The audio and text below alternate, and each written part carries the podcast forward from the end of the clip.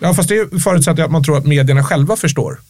Och det gör de förmodligen inte. Det är klart de inte Nej. gör. Men de, Men- men de vet ju värdegrunden. Och värdegrunden är att när, det, när, el, när ett kärnkraftverk står stilla eh, och elpriset går upp, då skriver man om det och kommenterar det. När det slutar blåsa och elpriset går upp, då, då skriver man inte om det och pratar inte om det. Och när eh, kärnkraftverk stannar och eh, elpriset går upp, då pratar man inte heller om att vi hade 12 kärnkraftverk just för att kunna stänga och pausa och det skulle flyta ändå. Så att det är ju, det är ju media utgör ju ett skydd, framförallt de skattefinansierade medierna utgör ett fantastiskt skydd för de som vill hålla på med dumheter. Sånt som låter bra och känns bra men som inte är bra, som Thomas Sowell påpekade. Jag kan berätta, jag, jag tror att eh, kanske de flesta förr hade en sån eh, serietidningsfas. Det, nu med internet så antar jag att den tiden är förbi. Men även jag hade en sån stor serietidningsfas. Och då har jag alltså sparat ett litet arkiv med gamla tidningar. Som jag tyckte var väldigt bra. Till exempel Socker-Conny. Aha, du har kvar dem? Ja, några av dem. Och då i varje fall, så, av som en händelse, så rotade jag någon gammal låda. Och då trillade Arne Anka fram. Det här är också ett annat århundrade. Alltså. ja, det är ett annat århundrade. Arne Till- Anka Ett minns annat jag. årtusende. Ja, det Till- till- skulle kunna vara. det är Arne- mycket som är det. Ja, exakt. Och då Arne Anka är en sån typisk tidning som jag minns att man tyckte var väldigt rolig då. D- Den är faktiskt inte så rolig nu. Alltså den, den var inte så bra humor. Men en del bra humor som tänker så här, Monty Python, den är ju rolig då och nu. Mm, Men jag tror så här, Arne Anka sa saker som var fult att säga då. Eh, lite tabu. Och de tabuna har liksom flyttat sig iväg lite så det känns inte lika mycket. Vi har helt andra tabun idag. Som, så en, en, Arne Anka-grejen kräver eh, att ja, det bryter mot något tabu. Och det gjorde det då, gör det inte nu. Sant. Klokt. Tror jag, tror jag. Jag vet inte om ni har sett att i eh, Michelin stänger eh, två fabriker i Tyskland. Kom, det, eh, nu under, under hösten, i november, så kom, eh, kom det beskedet. Och anledningen är att, att elen, ja, kostnaden är för hög och specifikt då, det som verkligen är dyrt i Tyskland är ju elkostnaden. Så 1500 tyskar förlorar sina jobb. Och det här är ju inte en grej utan eh, den tyska vad säger elintensiva industrin, processindustrin, eh, bas på de här företagen, har ju i stor utsträckning börjat stänga ner sina verksamheter i Tyskland. Jag säga, djupt fascinerande eh, hur avindustrialiseringen av Europa leds av ja, Europas industrigigant Tyskland. Ett långsamt men målmedvetet ekonomiskt självmord mitt i Europa. Jag, jag, jag tyckte det var talande. Jag tänker, det som, det som är så intressant här, det är att eh, eh, nästa år, Mm. då är det EU-val. Eh, och eh, jag tycker alltid så fascinerande att tänka så här, vilka frågor kommer dominera dagordningen för det val? Det var ju, det var 50 år som det är EU-val. Ja. Och eh, för fyra år sedan, då minns jag, eller alla har ju lite egna minnesbilder, men en bild som jag minns det var att då pratade man om den, så här, den femte sociala pelaren som var en stor grej. Som handlade om lite grann, ska vara minimilöner i EU och ska EU ha ett större, ska vi ha ett bidragssystem inom ramen för EU? Det var massa saker som ingick i det här. Eh, och eh, överhuvudtaget så tror jag att de flesta gick nog den här diskussionen förbi, men den var där och man fattade massor med beslut och har fattat under den här mandatperioden massor med beslut som är kanske inte så bra. Och då en, en fråga man har det är ju för att den här eh, energifrågan har ju eh, liksom exploderat, inte bara i Tyskland eh, med energivände. Utan det är en fråga i Frankrike och det är en fråga om klimatet, det är en fråga om massa saker. Även i Sverige så har vi ju ett antal företag som vill eh, eh, till exempel fossilfritt stål, vi har hybridsatsning, alltså det, det är ett antal olika saker. Och allt det här bottnar i någonstans att eh, Eh, det, måste, det måste fram väsentligt mer eh, med el framför allt. Och eh, eh, man kan fundera på, är energifrågan en sån som kommer bli en sån som kommer liksom lyftas på EU-nivå? Hur hanterar vi det? För att helt uppenbart är ju att de länder som tar ansvar och försöker liksom hitta en stabil energipolitik kommer ju alltid straffas av de länder som har en instabil energipolitik. Givet att det finns transmissionssystem för elen mellan länderna så att säga. Och vad tänker man liksom där? Vad, vad, vad är rimligt? Funkar EU-samarbetet i ramen för det här? Liksom, någonstans är ju om, om, om man om det straffar vanliga människor så blir det ju en sån konflikt som faktiskt riskerar att rucka om EU i grunden. Att det blir motsättningar mellan länder. Alltså jag tror att det här kommer bli en fråga. Eh, med, energifrågan överlag. Det hänger ju också såklart ihop med kriget eh, i Ukraina. Eh, där det, har blivit, det är ju ett energikrig som Ryssland bedriver också mot EU. Det är ju inget snack om den saken. De har jobbat målmedvetet i åratal med att göra Europa beroende av rysk mm. gas. Alltså det är ju bara att lyfta på hatten. Så ja, det här, det här kommer bli en jättestor fråga. Men, men problemet är att EU inte Eh, Eh, skulle jag säga, de, de klarar inte av att lösa det här. Det här är länders problem och länder agerar helt olika. Och EU har inga, alltså inga medel, vilket vi kanske ska vara glada för, att faktiskt lösa det här skulle jag säga. Sen är det väl lite så att vill verkligen Ryssland och Kina att det här blir en fråga? Alltså, Ryssland har ju investerat i ett halvt sekel i eh, den eh, västeuropeiska, först fredsrörelsen och sen den gröna rörelsen. Mm. Syftet var ju att, gör, att eh, göra oss energifattiga och göra eh, Tyskland och den tunga, stora industrin i Europa beroende av rysk gas. Mm. Eh, och Kina uppskattar det också väldigt mycket. Och om man tittar på den yngre generationen som röstar första gången, de är ju helt marinerade i en kinesisk plattform, TikTok. Ja. Så jag skulle tro att eh, det kommer vara andra saker. Och om den här frågan seglar upp så kommer nog de som har möjlighet att sparka in andra bollar i debatten, eh, ja, Ryssland och Kina till exempel, kommer göra det. Eh, det går att göra genom att skruva upp eh, våldsnivån i Ukraina. Det kan, eh, och i Kinas fall mot eh, Eh, mot eh, eh Taiwan. Eh, eller det finns andra sätt att göra hybridattacker med flyktingar och sådana här saker som vi såg vid polska gränsen förra året och finska gränsen nu. Så, nej, jag tror inte att det blir den viktigaste frågan. I, om den håller på att bli det så kommer någon se till att det inte blir det. Och då, vad tänker du då? Då tänker du då att man skulle, att de kommer släppa på kranen för att den här frågan inte ska bli den stora frågan i EU-val? Eller vad, eller vad menar Nej, du? Liksom? jag tror att, eh, att man hittar bra fokusförflyttning.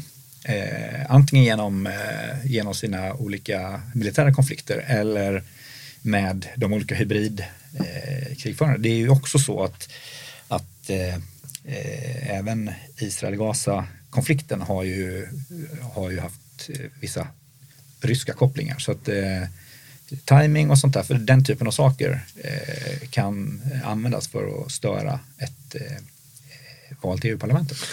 Alltså, jag håller inte med alls. Faktiskt. För, att, för någonstans är det så här, den här frågeställningen, den ligger redan Alltså i samband med, eh, det, som har, det är flera saker som har aktualiserat energifrågan. Den första är naturligtvis eh, eh, Rysslands attack på Ukraina. Eh, och med efterföljande händelser med Nord Stream och att man har stoppat gasimporten till Tyskland som är liksom fundamentet någonstans för att fungera tillsammans med eh, deras vindkraftspolitik. Nu har man ju ändå ställt om. Nu är det framförallt Qatar som är den stora leverantören av gas till Tyskland till exempel. De, de Men det är väl en LNG, så de kommer aldrig upp i samma volymer utan de Nej, har ju det... också fått börja elda kol och lignit. Ja, men det är framförallt dyrt med LNG relativt att bara mm. köra via gas. Men oavsett det så är, ju, så är energifrågan en sån fråga som ligger på bordet i respektive länder. Men det som gör att den blir utmanande det är ju att vi har ju eh, fri handel inom EU. Alltså det är ett problem att stoppa försäljningen av el över gränser. Så till exempel nu så Tyskland vill ju bygga en ny energikabel till Sverige, stod i senaste tidningen här i dagarna.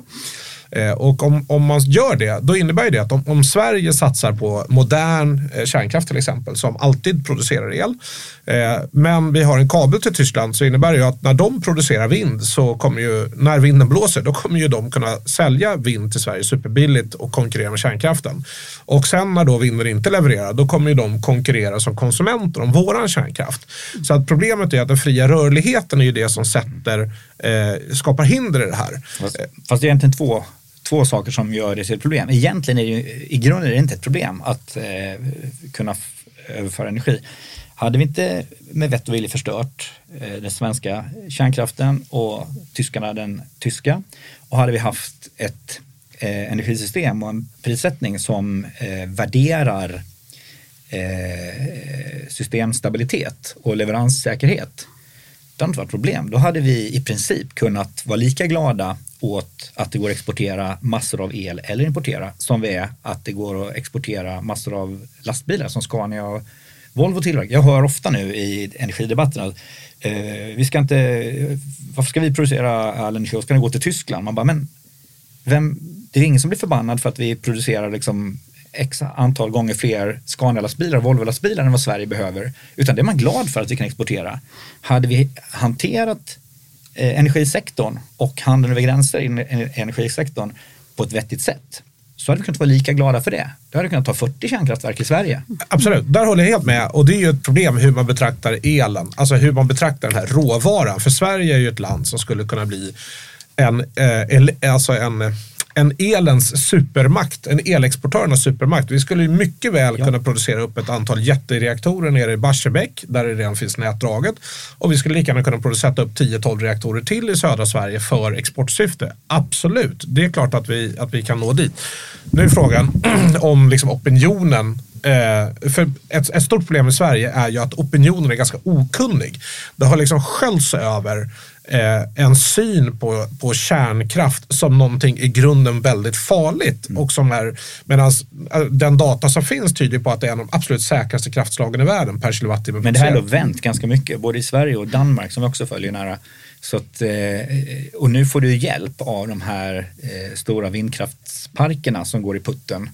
Om de går i putten. De kommer, det, de kommer gå i putten, flera stycken av dem. Det har ju inte hjälpt tillräckligt. Alltså Nej, problem, ja, men problemet med det här är att du, när du ska investera i kärnkraft så måste du ha jättelångsiktighet politiskt. Det är ju det som är problemet. Du kan inte säga att ja, men nu har vi Moderaterna som styr och SD och nu är de kärnkraftvänliga och så bryter vi de här lagarna och så bygger vi ny. Det funkar ju inte så för att de här ska ju räknas av på 30-40 år. Du måste vara, eller 60 liksom, eller 80.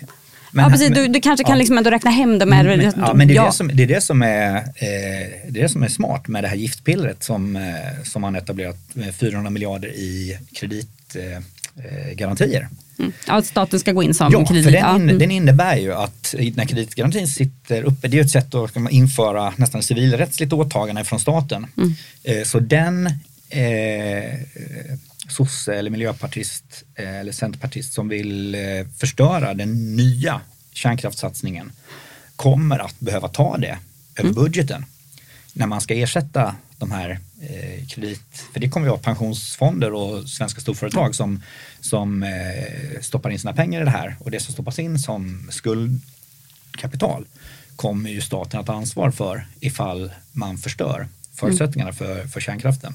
Och, så det tycker jag är genius. Det är precis ja, så. Jag skulle hävda att det är liksom det primära skälet till att man gör det. Jag förstår också att det är extrema investeringar och sådana saker. Men, men det primära skälet är just det du nämner. Det är att staten liksom måste ha their ass on the line själva. Ja. För att inte detta ska komma ett nytt politiskt beslut. Miljöpartiet får 10 procent i nästa val och liksom bildar regering med Vänsterpartiet och så, så spårar allting. Det får ju inte hända. Det som är intressant här, det är att, eh, för, för det, det, som är lite lurigt, det är att eh, eh, energi är ju i min värld basinfrastruktur. Att om vi inte har en fungerande energisystem, det är ju liksom en förutsättning för så mycket, ungefär som utbildning är en förutsättning för, för, en, för en fungerande stat, en i-landsstat så att säga. Eh, samtidigt så, så, finns det en övertro att marknaden ska lösa, eh, marknaden ska bygga, marknaden ska, men, men någonstans är det så här, ja, jag håller med om att marknaden är ju de som ska själva designa eh, kanske kärnkraftverket, precis som nu om man tittar på amerikansk rymdindustri så är det ju SpaceX eh, och, och, Blue Horizon som bygger raketerna, det är inte NASA som gör, NASA kravställer och finansierar och sådär. Men, men att det är mycket effektivare och precis så är det med kärnkraft också. Men det blir liksom fjuttigt, vi sitter i en diskussion i Sverige och så kanske bygga ja, men, två, fyra eller ersätta ett antal reaktorer. Eh, en mycket bättre satsning är att tänka så här, okej, okay, eh, Sverige vision 2050 eller 2060. Eh, vi kommer ju vilja ha ett väsentligt högre välstånd. Kopplingen mellan välstånd och energiuttag, det är superhögt. Eh, varför nöja sig med att bygga några kärnkraftverk? Varför inte tänka att 2050 då ska vi ersätta allt fossilt? Det betyder två tredjedelar av vårt energiuttag är ungefär fossilt i Sverige idag. Så det betyder att vi behöver öka elproduktionen väsentligt. Mm. Om vi dessutom ska eventuellt sälja till andra länder som inte är lika framsynta, då blir det ju ett jätteproblem. Och det fina med att om vi, låt oss säga, vi tar bara ett tal, eh, någon annan får säkert avgöra hur realistiskt det är, men säg att vi bestämmer oss för att bygga 24 reaktorer det finns en stordriftsekonomi här som inte är försumbar. Som ja. att alltså bygga första reaktorn, den kostar ju väsentligt mer än reaktor 2 som kostar väsentligt mer än reaktor 3. Och det som gjorde, när man byggde då eh, Ringhals till exempel, sista reaktorn, den byggde man ju på ett kick. Det tog ju bara två, tre år om jag inte missminner mig. Det är samma sak i, eh, när jag bodde i, i Dubai så satte ju UAE igång sin tredje reaktor i den, eh, den serie de byggde tillsammans med, mm. med eh, sydkoreanska sydkoreansk eh, teknik. Och det var ju verkligen så att eh, den, den första tog längre tid och sen har de bara gjort, de har gjort trillingreaktorer helt enkelt. Stora också, inga ja, ja. sådana här nej, små? Nej, utan de är, de är 800 mm. eller något sånt där. De där. Eh, och det är klart, eh, det funkar ju. Men samtidigt så är det väl så att, eh, för att gå tillbaka till det jag började peta i här, att ja, Sverige är ju ett marginalfenomen. Mm. Nu har det varit ett extremt marginalfenomen på, på många sätt och vi är ungefär lika dumma som tyskarna eh, när det gäller energi. Men vi har ju nyktrat till. Tyskarna är ju fortfarande kvar i sitt, eh, sin delusion. Och eh, i grunden så, jag håller med dig Fredrik, att eh, energi är fullkomligt eh, nödvändigt för för skapar vi, svälter vi oss på energi så, eh, och det, och det är det vi ser nu egentligen, att, eh, att hela västvärlden är så extremt eh, inflationskänslig. Det är för att vi har skaffat oss en energikostym som är för liten. Mm. Vi har underinvesterat i den befintliga energiinfrastrukturen, alltså eh, utvinning, transport, raffinering av, av olja. Eh, USA har ju total eh, havererat sina investeringar i sånt. Och Europa har också haft idén att nej men det där ska vi inte hålla på med. Samtidigt som vi inte har fyllt på med någonting annat.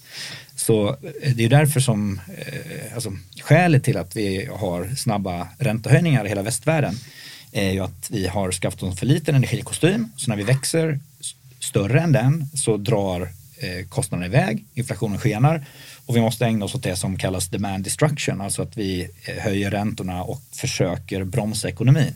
Vilket vi inte hade behövt i alls samma utsträckning om vi hade fortsatt att satsa på eh, plentiful energi, att se till att vi har energi.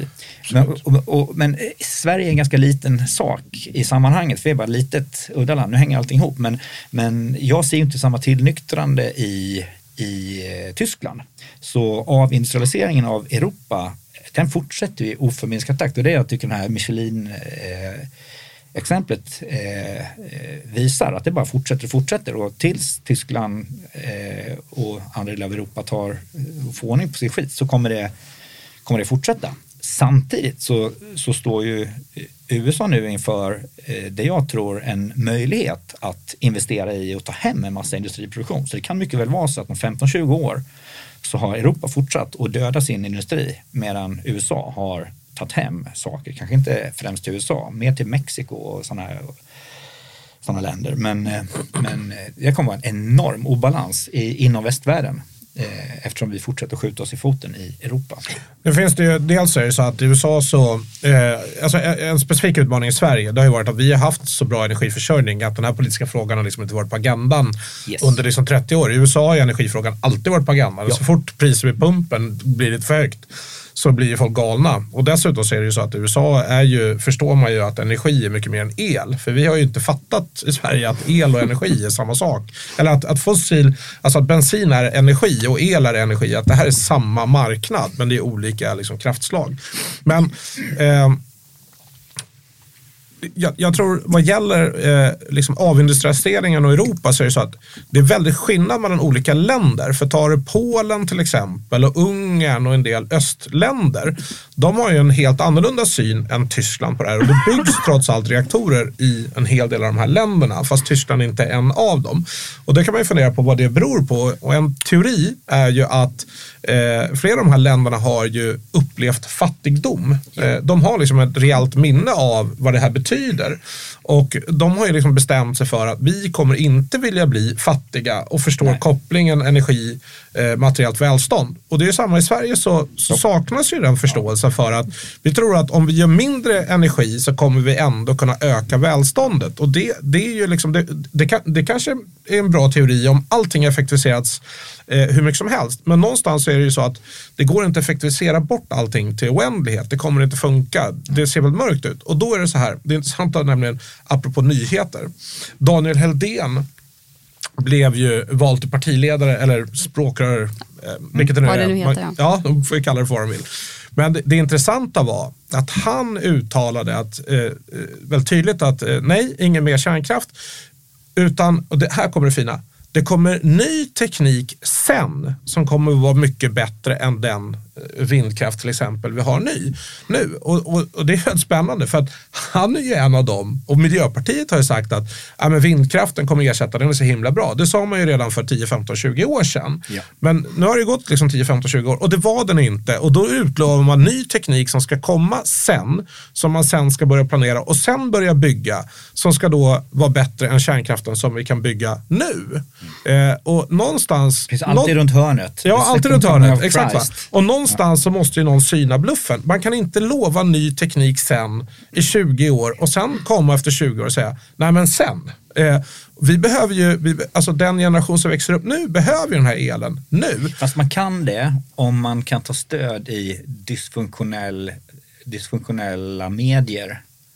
Ja, absolut. Ja. Och det, handlar, det är en bildningsfråga ytterst. Alltså det är en bildningsfråga. Förstår man hur energi fungerar? Och jag kan ju erkänna, eh, kanske inte så glatt, men jag kan erkänna min kunskap om energi. Den är ju inte någonting jag har egentligen, alltså jag har ju lärt mig de grundläggande energisaker om kraft och Newton och den typen av saker i fysiken i skolan.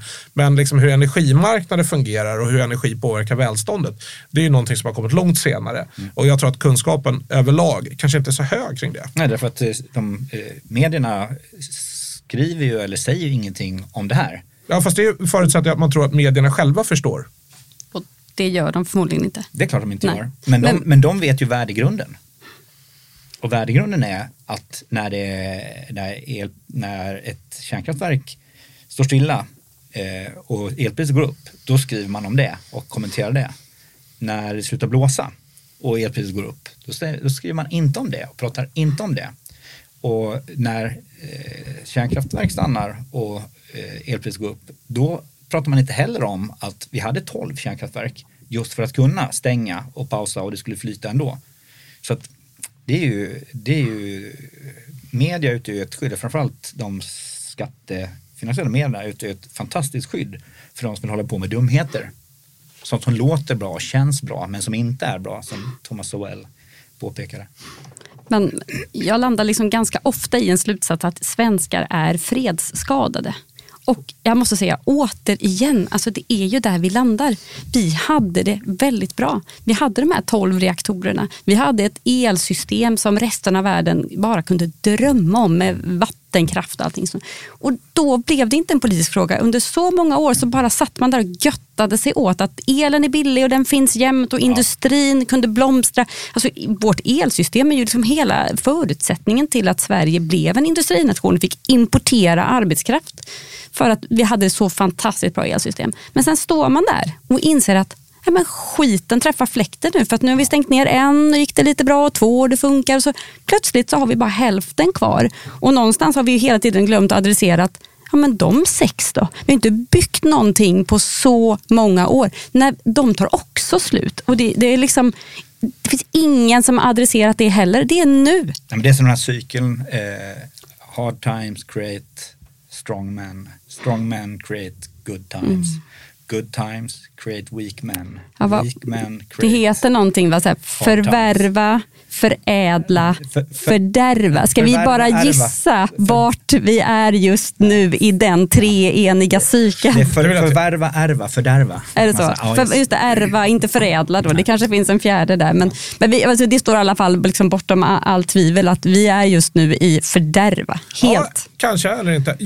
Jag- älskar konspirationsteorier för att de på något sätt, eh, jag tycker det är så roligt. Och där, eh, en, den, någon form av yttersta formen av konspirationsteori, det skulle vara att Ryssland eller Sovjet vid tiden eh, sänkte Tjernobyl för att skapa kärnkraftsrädsla i väst. Det, den, jag kom på den nu. Jag, Well played. det, Den är det, jättebra. ja, det, det skulle vara- kunna vara en mästerlig konspirationsteori. Eh, så genom, eh, genomtänkt och ond. Eh, för någonstans är det ju så det, så stötta sina investeringar i den gröna, i den gröna rörelsen i Det är Tyskland. 30 år senare sen. Ja, ja. Alltså, det, det är en väldigt intressant tanke i varje fall. Nu är det såklart inte så, det, det, det har jag väldigt svårt att tänka mig, men, men det, är, det är en provocerande tanke.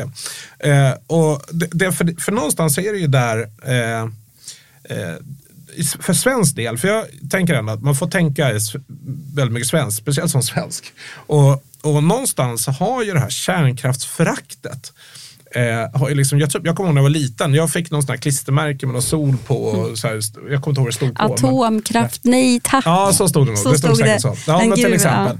Och jag minns att jag gick på lite någon, bisarrt eftersom eh, solen är, är ju atomkraft. atomkraft. Ja, om så mycket annat som är strålning och allt sånt där också. Men det, det är en lång... Absolut.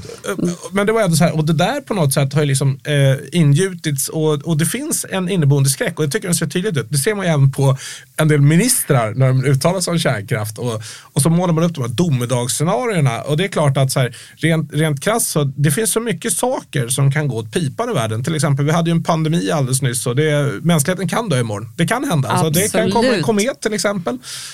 Men just kärnkraft har ju målats ut till proportioner som är helt oproportionerliga. Alltså, nu, kan, nu har inte jag datan här, men, men risken att, att jorden träffas av en komet är förmodligen sannolikare än att mänskligheten dör på grund av kärnkraftsolyckor. Oh ja. Ja, jag till och med att, att, att liksom flera eller många dör. Ja, Alltså. och då undrar man, ska vi satsa istället då de här pengarna, istället för på slutförvaring kanske skulle ha ett kometförsvar? Men, då, men då, vill, då vill jag tipsa. Vi bygger en sköld. Det här är enda gången ni kommer höra mig tipsa om ett eh, public service-inslag. En, Ja, det där ska vi komma ihåg. Ja, jag, har, Ja. jag har en kompis som är, han är kommunist dessutom, en eh, svensk-argentinsk kille som heter Martin. Han bor i, i Luleå och i Argentina omväxlande. Eh, han har gjort en fantastisk eh, dokumentär eh, som har sänds i eh, Sveriges Radio. Eh, som handlar om eh, riskerna med eh, vattenkraftsdammarna och vad det skulle innebära. Och det är en enorm skillnad i eh, hur eh, noga och reglerad man är i eh, kärnkraft jämfört med vattenkraft. Vattenkraften är av någon anledning inte alls lika, ja, men det är som skillnaden mellan sjöfart och, och eh, flyg. Ja, flygplanen har ja, ja, ja, mycket, liksom mycket högre säkerhetsnivå. Supertight Mm. säkerhet liksom i, i kärnkraft och flyg medan det, eh, när det egentligen är så då att eh, eh, om Harsprånget eller de här, de här stora dammarna ovanför i Luleå älv brister då är det bara några timmar. Sen är 100 000 människor washed Under, out. ja. i, Vilket eh, har hänt på flera ställen i världen. Ja. Så vattenkraft har ju Ja. dödat så oändligt mycket fler personer än kärnkraften. Den, den, kolkraften vinner ju förstås när det handlar om att ta ihjäl folk. Men därefter kommer ju vattenkraften. Det- är fascinerande. Det är ju ingenting vi pratar om i vår debatt i Men det har nog Sverige. ganska mycket med just en slappa inställning till säkerhet. Man eh, har inte riktigt tagit till sig vilka enorma krafter det är man, eh, man eh, Men man vinner. förstår inte. För vatten, det vet jag vad det är. Jag kan ta på vatten, det känns lite bra, jag gillar vatten. Den där strålningen, hoho, crazy. Liksom. Ja, men exakt. Och det, det intressanta här är att när man pratar om stora olyckor med många skadade. Eh, Fukushima, som är ett fantastiskt spännande eh, och hemskt naturligtvis. Det är en tragedi på alla sätt och vis. Men det som, dog, det som folk dog av, det var ju just en damm som brast. Mm. Det dog flera tusen, om inte jag missminner mig, eh, i samband med att en, en vattendamm brast Mm. på grund av den här jordbävningen. Och Fukushima själv, det är väl i princip noll om jag förstår saken Det är rätt. två Det- personer som har dött på, inne på kärnkraftverken. Ja, det är två Eh, Och alltså. det hade, hade det varit en skofabrik eller en pappersmassafabrik någonstans så hade det dött ungefär lika många. Eller skofabrik, då är det ju fler människor där, det hade dött fler. Mm. Så, och de, de stora dödstalen är ju kopplade till evakueringen eh, som i stor utsträckning eh, gjordes helt i onödan. Just på grund av att man har en panik kring kärnkraft. Det var många bräckliga, det är en väldigt eh, åldrande befolkning i Japan. Så det var ju väldigt mycket människor på äldreboenden och sånt som, fick, som man flyttade på under ganska stökiga omständigheter. Så det strök med rätt mycket folk i den flytten. Men den var ju totalt onödig. Eh, Och även om man tittar på det här när man i år var det väl man fick släppa ut vatten för första gången. Eh, Det här magasinerade Jaha, i vattnet. när- ja. ja. Man släpper ut det, det är liksom, eh, och det var ett himla liv om det. Det visades kartor och så här mycket radioaktivitet. Så där. Och det är liksom det är mer radioaktivitet i en banan. Mm. Liksom. Eller när du flyger, var det inte så? Ja, Mm. men Ja, men då är det När du, ja, ovanpå. Ja, Eller i Lysekil, ja, för all del. Ja, eller Ganska mycket. tänderna eller något sånt där. Eh, så paniken där har ju ställt till mycket mer skada än vad kärnkraften i sig har gjort. Så, så är det. Det där är intressant. För en sak som jag tänker väldigt mycket på, det är ju liksom varför? Varför är det som det är? Eh, och varför har det blivit så? Eh, och just då, det är inte bara kärnkraften. Jag, det finns en, en eh, parallell här kanske. Eh, det får se om du håller med om. Men, men det, som är, det som är poängen med kärnkraften är att man kan få eh, en, en vanföreställning i huvudet om att en, det, liksom det mörka scenariot, det är så oerhört mörkt. Alltså det som Tjernobyl då bidrog med är att Ja alla dör i Europa, ungefär så. Det är ungefär som kärnvapen, alla dör. Eh, och, och det är klart att kärnvapen är ju fruktansvärt, så det är väl inget tvivel om det. Men det intressanta här är ju att det här är ju någonting som man kan översätta, för det handlar lite om mänsklig psykologi. Om vi tar NATO till exempel så har vi ju haft ett ganska utbrett NATO-motstånd i Sverige. Och vi har ju haft liksom någon fredskod. Nej, nej, det kommer aldrig, alltså bara för några år sedan, så här, det kommer aldrig bli ett stort krig i Europa igen och eh, vi har tjänat på neutralitet. Och sen helt plötsligt så eh, stormar eh, Ryssland in i Ukraina. Och helt plötsligt så är det så här, nej men det här med NATO och försvaret, nej men det där är viktigt, det har jag alltid trott. Och Nu då- var det ju inte så plötsligt. Nej, det var- nej, det Men håller jag i, med om. I svenska Nej. medier så upplevs det som väldigt, väldigt Ja, plötsligt. absolut. Jag förutsåg att eh, alltså, när det började man upp på gränsen, då var jag ganska övertygad om att det skulle ske. Sen finns det en historik med Absachien och det finns en hel Plus hög att det var åtta år sedan de gick in första gången. 2014. 2014. Ja, alltså, ja. ja, men det finns en hel, en hel historik. Men det intressanta är ju att då, då först, eh, för frågan är så här, har Sverige blivit mer hotat efter Ryssland gick in i Ukraina eller mindre? Och jag skulle säga så här, svaret är mindre. Ja. Eftersom nu, har de, nu är de upptagna med De sina resurser där. upp. Ja, de har fullt upp Ja. där. Va? Men ändå så är det så att nu på något sätt har det vaknat upp och det jag tror händer psykologiskt är att det har såtts ett frö i huvudet. Att Tänk om ryssen kommer, ungefär som när jag igen då, nu backar vi till barndomen, ungefär, då sprang man i, vi hade såna här i skolan, då hade man ju övningar som skulle gå ner i skyddsrummen om jag inte minns fel. Mm. Kommer du ihåg det? Det här är ju länge sedan. Eh, och, och Ja. du är äldre än vad jag är för övrigt, så att du borde ju... Eh, men, men, men någonstans är det så här, när det här sået frös, Sveriges undergång helt plötsligt, då går man i huset. Och det är den samma retoriken som används även när det gäller klimatet.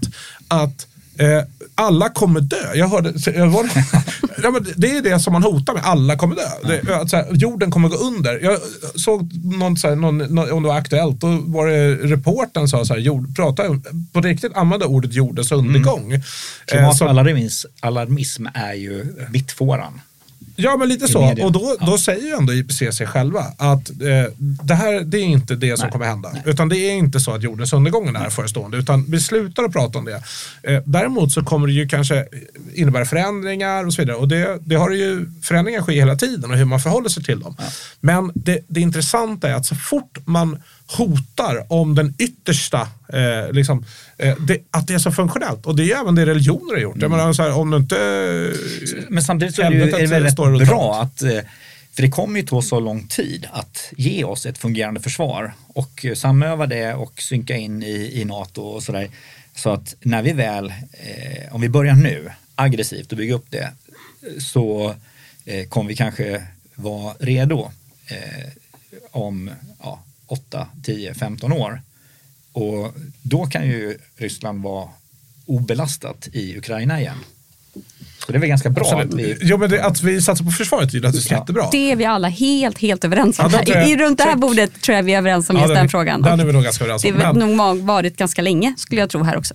Ja, ja absolut. Det här, för mig så är ju liksom kärnfunktionen för staten i att skydda mot yttre hot, den är ju liksom så essentiell. Att, eh, den, Det börjar där. Det börjar där, Yttre ja. och inre hot skulle jag Ja. vilja passa på. Ja, till. jag tror att den kommer tvåa faktiskt. Men, eh, men det, det spelar ingen roll. De ligger så pass, liksom, det är så, de är så eh, fundamentala. Men, men, det- men det är ju också så att, att eh, ska säga, klimatförändringar som definitivt finns och som är en viss andel är eh, orsakade Man-made, av mänsklig eh, verksamhet.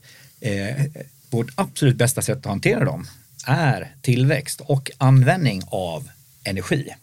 Ja, el. Så, ja, el eller för den delen fossil energi också. För, eh, så, så på det sättet så jag hamnar ofta i, i diskussioner med, med vänner som är lite mer, ska man säga, som mer springer och skriker med, med flocken liksom. Och en sak som de säger, men vi måste göra, för ni vet att, eh, att Kina planerar 300 nya kolkraftverk Mm. som har cirka 40 års, eh, vad är det, 40 års Livslängd. livslängd. Eh, Så om de får de här på plats de närmsta 20 åren så kan man säga att då eh, ja, de investerar fast sig i kol för 60 år framåt. det finns ingenting som tyder på att Eh, inte Kina mycket. lyckas göra Nej, sina, nej. Och liksom, är det- genomföra och- sina ja, planer. Och det är där bilarna kommer tillverkas istället för i Tyskland. Det är fantastiskt mycket bättre att släppa ut eh, grejer där eh, när det är en global fråga. Men eh, Får jag bara fråga, jag bryter in där. Kan det vara så att det var 300, kärn- alltså de hade 300 planerade även för 10 år sedan?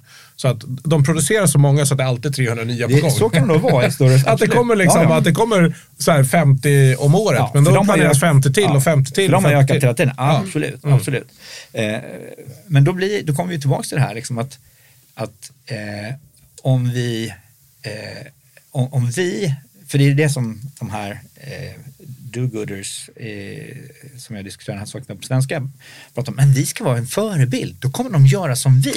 Ja, Och det har aldrig hänt. Varför skulle de, världens två folkrikaste länder, Indien och Kina och några folkrika till, ta Brasilien, Indonesien, Nigeria, eh, tacka nej till energi som ger deras barn tak över huvudet och mat i magen. Varför ska de göra det? Det är klart de inte gör. De öser ju på. Det enda som Ja. händer om vi gör det här som de här människorna vill, det är att vi avindustrialiserar Europa, eh, ställer till det för oss, eh, förstör vår ekonomi, gör oss inflationskänsliga och eh, flyttar den ekonomiska makten i världen till Kina Asien. och Indien Mm. och Asien. Och, och, och, och samtidigt är det så att de kommer ju köra på. Så i den utsträckning som fortsatta stora fossila utsläpp driver klimatförändringar så kommer vi ha klimatförändringar i precis samma utsträckning som vi har om vi inte gör de här förändringarna eller om vi gör dem. Tyvärr är det ju så. Ja, och då blir frågan så här, okej, hur ska vi parera det här? Och då, då kommer man ju till det som kallas som climate mastery, att kunna hantera snöstormar, översvämningar, alla de här sakerna. Ja, men kan vi bygga hus i betong i fler delar av världen så kommer ju färre människor drabbas av extremväder. Det kan bli mer extremväder, men färre dör av det. Det blir ett mindre problem. Och det där är som att det är helt bortglömt. Helt, liksom, det är ingen som, verkar ingen som bryr sig om, när det egentligen är det som är grejen. Nej, alltså inte ens Europa i, i ett globalt perspektiv har ju särskilt mycket påverkan. För det första för att vi har ju också minskat våra koldioxidutsläpp ganska väsentligt. Men vi är så små. Så att om vi liksom tar ett kollektivt självmord i hela Europa, men vi ponerar att resten av världen tuffar på. De vill ha sitt välstånd, de har inte gjort den resan vi har gjort. Om vi låter dem tuffa på som idag och vi tar självmord allihop, så blir det alltså ändå de här graderna. Så att vi måste någonstans... bara Ja, men vi måste ju bara trend istället acceptera this shit is happening. Alltså, vi måste börja så här, leva efter att det är det här som kommer hända. Då får vi hitta liksom, strategier och idéer för att lösa det istället. Men, men det där problemet har ju på så många plan i Europa tycker jag. Vi vad är vi, några, vad är det, en knapp halv miljard. Nej, vi är fler än en halv miljard. Jag tror att vi är 700 miljoner. Det beror på, räknar EU eller Europa? Jag räknar, eh, jag räknar nog EU, ja, nej, men Europa måste man räkna. Vilka är det man inte 700-800 miljoner. Vi vet knappt vilka som är här, höll jag på att tillägga. Men Nej, för hitre delen av Ryssland är Europa också till exempel. Ja, du räknar inte med den. Ja, men, eh, men eh, ändå, vi är, liksom, vi är 10 procent av, av världens befolkning. Liksom. Eh, Och i ett historiskt perspektiv så, ja, men, visst romarriket var stort men, men det muslimska, jag säga, när islam byggde sitt rike liksom, som sträckte sig väldigt långt ut i Asien och så hela vägen ut till Atlanten i, på båda sidor av Medelhavet, alltså både Spanien och, eh, och eh, Marocko. Om säger Afrika. Ja, eh, det var gigantiskt. Och, och i Europa så är vi fast i den här bilden av att vi är att vi sitter säkra, att det är vi, liksom, det är vi som har någon slags hegemoni. Bilden hos människor i resten av världen är inte alls så. Och framförallt inte i, ja, men, ta eh, den afrikanska befolkningen som var liksom 100-200 miljoner för x antal år sedan och nu går mot 2 miljarder. Ja, Afrik Afrika, Afrika. afrikanska, Afrika. inte afghanska utan den Nej, Afrika. inte Afghan, Afrika. nej, nej, alltså Yes. det, ja, där, där liksom att tro att det här som, vi, som kallas här, eh, flyktingar som flyr över Medelhavet, att det skulle vara någonting som vi kan hantera med och skicka ut liksom, eh, Läkare utan gränser, ja. eller de här som nu fick Rights Livelihood-priset, helt bisarrt. Det enda som händer att när vi har de här organisationerna som går ut och gör det där, det är ju att, att fler det blir fler positiva stories. Alltså kommer det bli större vågor av människor som tar sig ut. Alltså kommer fler människor drunkna. Så att det mm. de håller på med driver döden på Medelhavet samtidigt som det, finns inte närheten av stopp på det där. Och det är en sån här sak där Europa har en bild av att världen ser ut på ett visst sätt. Världen ser precis tvärtom ut. Och eh, vi, alla runt omkring oss, de har inte den här bilden att men Europa är liksom eh, på något sätt en evig sak, utan vi är på väg ut för liksom. Men så här, det, det, det, det jag tycker är så intressant, det är att eh, eh, social ingenjörskonst är ett favoritord. Ja, men alltså, om man tittar på den minsta beståndsdelen, alltså en individ, då finns det ju en, en grundläggande drivkraft att eh, jag vill göra mitt liv bättre.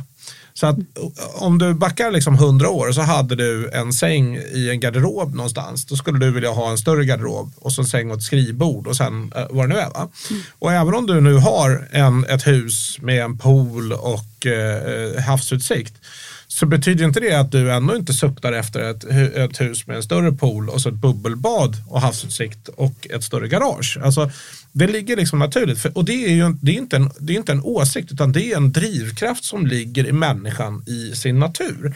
Vi är gjorda så. Det har att göra med allting från det här med för, alltså para sig, att man vill vara eh, eh, en sån partner som, som är eftersträvansvärd så att säga. Alltså, det, det ligger så djupt rotat. Och då är det någonstans så att det vi försöker göra är ju eh, eller vi, inte jag. Eh, det, det, finns i varje fall många politiker som på något sätt försöker att runda den här biologiska drivkraften och tror att man genom olika sorters repression, det är ungefär så, vi höjer skatten och sen så tvingar de till det här och så ska vi se till att, att folk på något sätt ska acceptera att de inte får det bättre. För väldigt mycket svensk politik handlar om att, inte, att folk inte ska få det för mycket bättre. Men i många andra länder, till exempel då, som upplever fattigdom, där finns det ingen, det finns liksom ingen öppning för diskussionen om att hålla igen. Så här, nej men det är liksom, igen, vi tar, eh, apropå Miljöpartiet, för det är så aktuellt har ju varit nu med deras konfra, eller byta partiledare och så här. Så intervjuar de, jag kommer inte ihåg om det är han Per Holmgren eller vem det var, så pratar man om resa till Thailand. Ja, men alltså, ja, folk kommer inte ha råd med det sen. Och så tänker folk så här, ja men det låter bra, de andra kommer, för jag, man ser vad folk tänker, nej men det är någon annan som inte har jag kommer nog ha råd, men de andra kommer inte ha råd och det är ju bra för då räddar vi klimatet. Det är lugnt. Men äh, det, medans rätt svar naturligtvis är så här, jag hoppas att alla svenskar får möjlighet att åka till Thailand fyra gånger om året om de vill. För självklart ska vi satsa på smart teknik som möjliggör effektiva transporter kostnadseffektivt och på ett sätt som inte belastar naturen mer än nödvändigt. Alltså eh, kanske ett bränslecellsplan som är laddat med kärnkraft till exempel. Och vips så kan folk åka till Thailand, kanske både billigt och miljövänligt och allt vad det är. Fast den sortens teknologi skulle ju eh, de här människorna vara emot. Ja, jag förstår För det. det den skulle ju göra att man inte behöver införa kommunism Exakt. och mm. Eh, ofrihet.